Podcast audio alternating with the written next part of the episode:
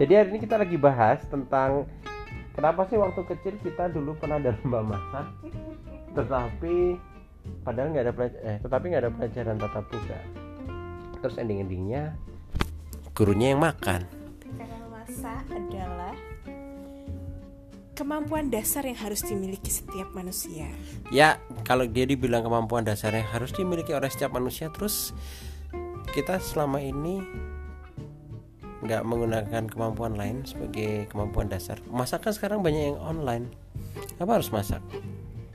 Ya biar hemat aja. Bapak bayangin aja sekali ma- makan online itu paling enggak 30 ribu 20 ribu makan 10 ribu ongkir Kalau bapak masak sendiri Bapak tahu harga bayam itu berapa satu ikat Cuma 1500 sampai 2000 rupiah Dimasak jadi jangan bening. Wow sudah bisa buat makan satu kali Sama tempenya 1000 rupiah saja. Hanya dengan 3000 plus nasi 1000 4000 rupiah. Anda menghemat 20 rupiah dalam satu kali makan. Dia belum menghitung. Ya cepat kaya, tapi kamu belum menghitung biaya cuci piring, biaya moral dan materialnya nggak Oh, semua itu. itu. biarkan pada suami anda yang melakukan. Tapi ngomong-ngomong dulu waktu SD atau SMP pernah lomba masak belum? Iya pernah loh Standar nasi goreng. Iya Kenapa sih harus nasi goreng? Itu guru kita mengajarkan kepada kita bahwa kita harus cermat dan hemat Nasi goreng itu kan biasanya nasinya adalah nasi sisa kemarin Yang didiamkan semalaman Hmm. Dan daripada dibuang mubazir kan Bapak juga suka marah-marah kan kalau ada nasi yang terbuang Yes.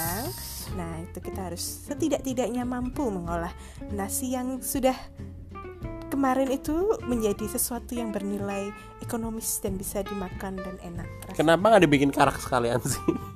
Kenapa harus nasi goreng? Nah, Ya terus nggak kenapa? bisa dibikin karak lah. Kenapa? Kalau bikin karak itu bukannya harus lengket-lengket itu ya nasinya ya. Ya kan nasi goreng nasi sisa kemarin. Pernahkah kita menggunakan nasi sisa kemarin untuk nasi goreng?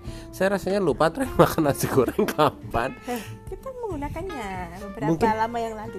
Mungkin kalau sekarang dipraktekkan apa? eh, bikinnya bukan bikin nasi goreng ya, apa gitu. Eh, apa gitu lah yang kue kekinian mungkin bomboloni eh, oh, bomboloni no gluten. ah Nasi no goreng gluten glu- Hmm. Ya iyalah nasi goreng gimana no gluten glutennya sih aneh. Terus selama di sekolah selain bikin nasi goreng, kompetensi apa yang sekiranya di saat ini tidak ibu gunakan?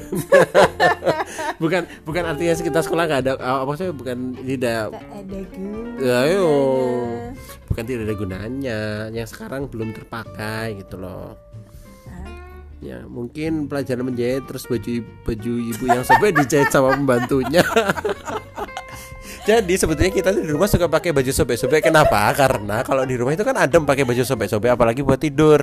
Nah, kayaknya saking buluknya dan saking buruknya itu si apa namanya Pemba- ah, bukan pembantu si ART Mbak yang sering nyapu, sering bersihin rumah sama nyetrika berbaik hati, berinisiatif untuk membelikan jarum, benang dan dijahit. Dengan menggunakan uang-uang Uang, uang sisa, sisa sisa dan uang-uang susuk yang tidak pernah diopeni. Susah itu apa bu buat pesugihan? ini pembi apa ini uh, podcast kita itu mendunia, Oh, mereka iya, nggak ngerti susu. Susu itu adalah kembalian maksudnya. Nah, Kembalian suka tercecer change gitu ya, change. Jadi kita suka bawa uang kembalian sisa terus kadang-kadang kecuci ya kalau kecuci paling 200 ribu 300 ribu lagi kecuci Kembalian apa gue? ya kembalian ini biasanya kita beli tanah kan kembalian cashback 300 ribu gitu nah terus biasanya dijahit tuh sama si ibu itu jadi waktu pulang kok kok jadi nggak adem ya? Biasanya pundaknya bolong biasanya perutnya bolong. Ini kok rapet semua gitu. Ternyata inisiatif berbaik hati buat men- menjahit baju yang udah bolong. Itu kompetensi yang kedua. Sudah di Nah, kompetensi kedua yang tidak dipakai saat ini belum terpakai adalah menjahit. Kalau memasak kepakai kali ya. Pakai sedikit lah. Sedikit. Masakannya si ibu ini enak sebetulnya, cuman jarang masak sih sekarang. Kebanyakan ya kalau karena jarang masak, saya bisa menemukan fosil-fosil labu siam di dalam kulkas. kan pasti semua orang pasti mengalami deh kalau sudah berumah tangga atau mungkin zaman ngekos dulu zaman tinggal di rumah sering lihat ibunya atau mamahnya di kulkas pasti ada aja barang-barang yang pernah tertinggal dan tersisa di dalam kulkas. Misalnya paling sering biasanya bumbu bumbu-bumbu kayak lengkuas ah sorry bukan serai itu yang biasanya sering karena sering sisa ya. Serai terus daun salam terus sering sisa terus daun jeruk. biasanya kayak gitu kering atau bawang satu dua. Ini satu keranjang yang tersisa jadi saya siap jadi saya setiap siap membersihkan kulkas tuh bingung. Saya kresek yang saya ambil sama seperti kresek saya waktu saya belanja waktu itu. Terus yang kol ungu warnanya udah jadi putih luntur luntur. Saya mati oh, astagfirullahaladzim apakah ini artinya adalah dia adalah kol biasa yang dicat ungu? Gitu. Belum ada apa sih murbei ya waktu itu ya? Iya. murbei benyek strawberry kisut. Oh ada satu ada satu artefak. Bengkoangnya tuh di belakang. Si ibu ini kan beli bengkoang nih. Bengkoangnya gede-gede ditaruhlah di samping tempat tanamanku. Tumbuh. Hijau gede banget sementara tanamanku layu mati bengkoangnya tumbuh. Coba ibu cek di belakang itu ya deket meja makan. Saya bingung kenapa tiba-tiba ada yang hijau sulur apa nih bengkoang sampai yang beli lo lupa aku bingung. Terus kita punya minuman bubble. Minuman bubble lupa diminum. Nggak apa-apa minum besoknya. Lupa lagi minum lusanya lagi diminum. Lupa minum besoknya lagi. Terakhir kok rasanya asem ya? Ya iyalah udah tiga hari. Aloe veranya udah tumbuh. Kita tuh suka banget sih nyimpen nyimpen kayak gitu. Setiap manusia itu pasti punya keinginan atau punya satu sisi di mana kita suka nyimpen sesuatu. Uh, ada sesuatu yang kita simpen kadang-kadang benar kayak eh, apa yang enggak yang kurang tepat. Kayak tadi kita lupa kan uh, untuk mengoperasi si kulkas ternyata banyak banyak sisa makanan atau apa namanya ya uh, apa bahan-bahan yang belum kepake terus akhirnya jadi kering atau busuk ya itu uh, di rumah tangga pasti sudah sering uh, ada ada beberapa yang pernah mengalami hal seperti itu Cuman ada makanan sisa yang akhirnya membuat saya harus keluar 2 juta rupiah buat bikin selokan padahal nggak ada relate-nya sama sekali. Jadi waktu itu saya mengikuti Instagram bagaimana cara menumbuhkan green onion atau atau loncang.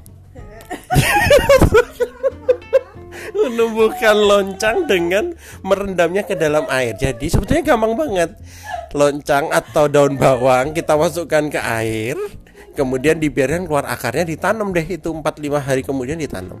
Nah berhubung bapak ini bapak ibu ini kita sibuk ya sok sibuk di kantor kita lupa si bapak ini lupa kalau dia naruh air rendaman daun bawang di atas baju cuci. Waktu sambil nyuci ya Allah bau banget nih bau apa ya? Si ibu iya. Bau apa ya bau apa? Wah sok apa selokan mampet ya got mampet. Kita serok kita bersihin manggil tukang kok masih mampet? Wah ini pasti ada yang bau di bawah ini. Ya udah kita panggil tukang kita bongkar. Setelah selesai bongkar eh sebelum selesai bongkar ya? Udah bayar dua baru deal baru deal sama tukangnya. Baru deal banget sama tukangnya. oke besok dua juta. Berapa? juta, 2 juta. Untung nggak deal yang pakai apa? Pakai besi ya 3 juta setengah.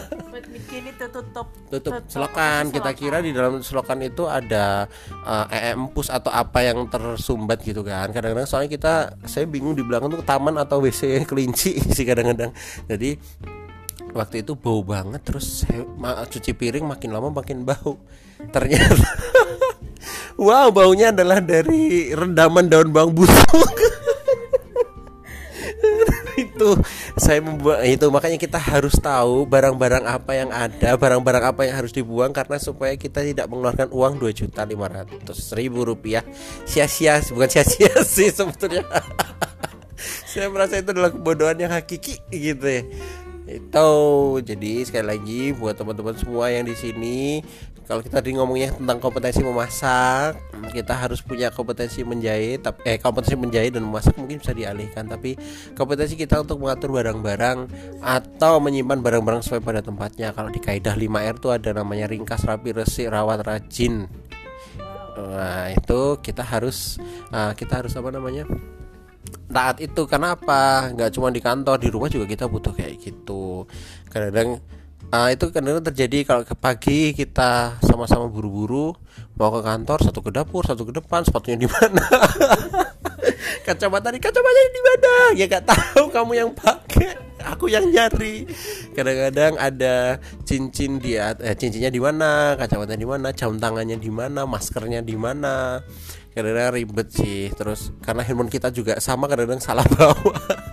Ketuker gitu. Nah itu makanya kita harus uh, selalu rajin untuk merapikan rumah. Jadi nggak ada nggak ada hubungannya sih sama tadi pembicaraan kita tentang kompetensi memasak ya. Tapi bahwa itu menyebutkan uh, mengindikasikan kalau kita sebagai warga yang baik kompetensi-kompetensi yang kita pelajari di sekolah itu berguna banget. Kalau tadi dibilang kompetensi dasar termasuk memasak tapi kita harus tahu bahwa uh, kompetensi lain juga tidak kalah pentingnya untuk survival selain memasak itu sendiri. Begitu supaya nggak kehilangan dua setengah juta. Aku masih mikir dua setengah juta uglik-uglik jadi ya, ya kira-kira gitu. Terus juga ternyata masih kadang-kadang masih mampet tapi ya nggak apa-apa lah. Biar kelihatan lebih rapi sih. Gitu ceritanya. Oh ya sama tadi kalau kita kita punya barang uh, selain kita tahu apa ya barang yang kita punya uh, kita juga harus bikin perencanaan matang. Kayak kita berencana bikin meal plan ya. Dari kita awal kita nikah sampai sekarang meal plan meal plan gak jadi jadi intinya apa yang ada di situ kan dimakan. Cuman uh, karena kita belum ada meal plan yang pasti kecuali bikin green smoothies jadi kayaknya belum terlaksana sih. Ya udah makin mengacau saja nanti kita coba untuk episode kedua ini masih featuring sama si Mbak Bantul kalau kita sebut namanya Mbak Bantul. Uh, dan nanti kita tetap ngobrol lagi di acara eh di podcast ya namanya. Podcastnya namanya kitir kitir nanti ada alasannya ada penyebut apa ada alasan sendiri namanya kitir kitir sampai ketemu lagi di edisi podcast episode podcast selanjutnya. Dadah